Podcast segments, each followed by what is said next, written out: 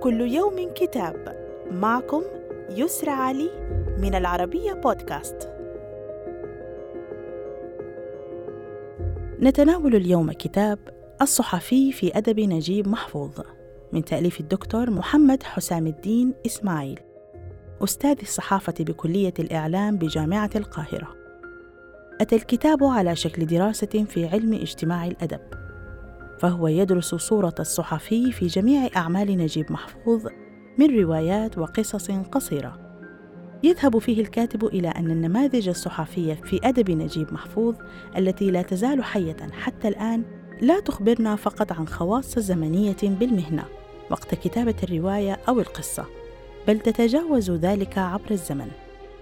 قسم المؤلف روايات محفوظ إلى ثلاث مراحل الأولى الواقعية والثانية الفلسفية ثم المرحلة الثالثة متعددة التجارب الإبداعية.